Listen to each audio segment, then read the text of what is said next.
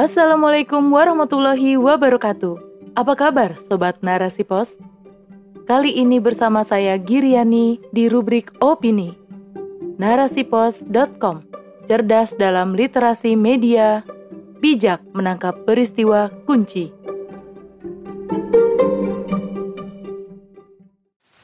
Hak Rakyat atas Pemanfaatan Sumber Daya Alam oleh Maman El Hakim.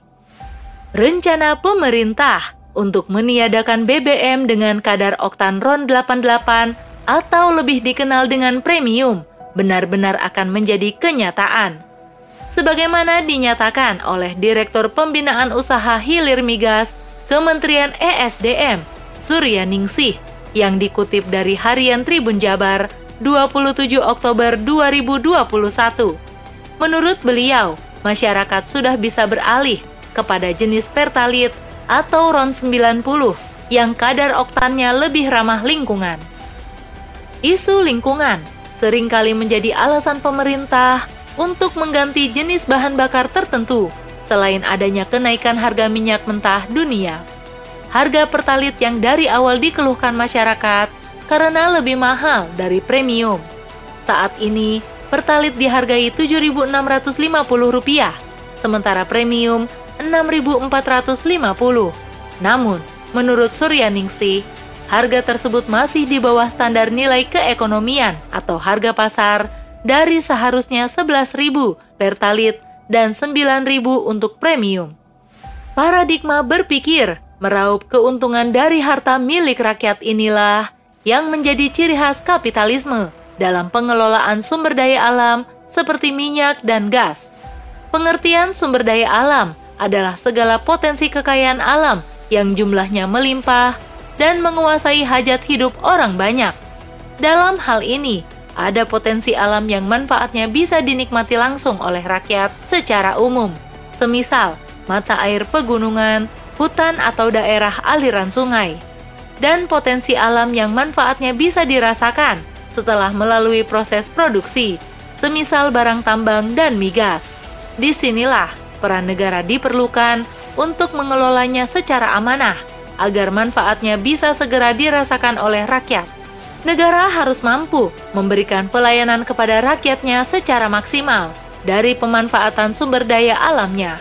Adanya isu lingkungan harus menjadi perhatian tentang bagaimana pengelolaan kekayaan alam. Faktor penyebabnya karena kesalahan negara yang menyerahkan pengelolaan alam kepada pihak swasta atau asing. Mereka cenderung berorientasi meraup keuntungan tanpa memperhatikan ekosistem lingkungan dan kesejahteraan rakyat. Kontrak kerja yang sejatinya negara menjadi majikannya, faktanya dalam sistem kapitalisme justru negara malah sekedar jadi pelayan. Terbukti dengan hadirnya berbagai kemudahan investasi asing melalui undang-undang seperti Undang-Undang Omnibus Law yang tak lain adalah tekanan para pemodal atas kebijakan negara. Borosnya biaya produksi, tingginya upah tenaga kerja, dan banyaknya pajak yang dibebankan kepada perusahaan sering kali menjadi alasan perusahaan untuk tidak mau berbagi keuntungan. Padahal, negara adalah perisai rakyat yang tidak boleh menyerah pada perusahaan atau investor. Inilah yang terjadi selama ini. Adanya pengelolaan sumber daya alam oleh swasta atau asing menjadi alat penjajahan, merampas hak rakyat atas pemanfaatan sumber daya alam yang harusnya bisa dinikmati secara langsung maupun tidak langsung setelah proses lifting atau penggalian. Kesejahteraan rakyat akan terjamin jika negara menerapkan syariat Islam secara kafah. Karena syariat Islam bukan hanya mengatur tentang hak kepemilikan harta, melainkan juga bagaimana pemanfaatannya. Negara akan benar-benar memerhatikan kesejahteraan rakyat secara keseluruhan, baik muslim maupun non-muslim. Terlebih menyangkut pemanfaatan harta milik umum, jangan sampai ada rakyat yang terzolimi.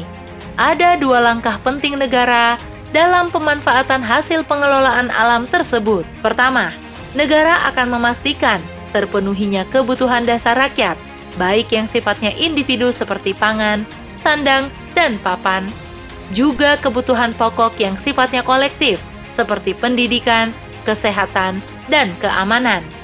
Jika kewajiban ini tidak ditunaikan oleh negara, maka negara dianggap melakukan kelalaian. Dalam hal ini, negara bisa dikoreksi, bahkan bisa digugat melalui institusi hukum yang dinamakan Mahkamah Madolim oleh rakyat. Kedua, negara akan menggunakan anggaran dari Baitul Mal atau APBN melalui pos pendapatan dari pemanfaatan sumber daya alam, baik secara langsung berupa bantuan tunai atau berupa fasilitas umum yang pemanfaatannya gratis bagi rakyat, seperti sarana transportasi, pendidikan, kesehatan, dan lainnya. Hal ini berbeda sekali dengan yang dilakukan negara dalam sistem kapitalisme. Infrastruktur dibangun, namun dikomersialkan, yakni dijadikan lahan bisnis karena rakyat diposisikan sebagai konsumen. Padahal, rakyatlah pemilik sejati yang harus mendapatkan haknya atas amanah negara dalam pengelolaan sumber daya alam yang ada di negeri ini. Tidak sepatutnya negara berlaku zolim dengan mengorbankan hak rakyat demi memenuhi kepentingan para pemodal. Kerjasama usaha dengan asing menurut syariat Islam harus memenuhi kriteria bahwa negara tersebut bukanlah negara yang memusuhi Islam secara terang-terangan maupun sembunyi-sembunyi. Setidaknya, negara asing yang terikat perjanjian itu pun dengan kesepakatan-kesepakatan yang sejalan dengan hukum muamalah secara syariah. Negara harus tetap memegang kendali atas amanah pengelolaan alam. Tidak boleh membebani rakyat dengan segala pajak, sulitnya lapangan kerja, dan tidak tercukupinya kebutuhan pokok.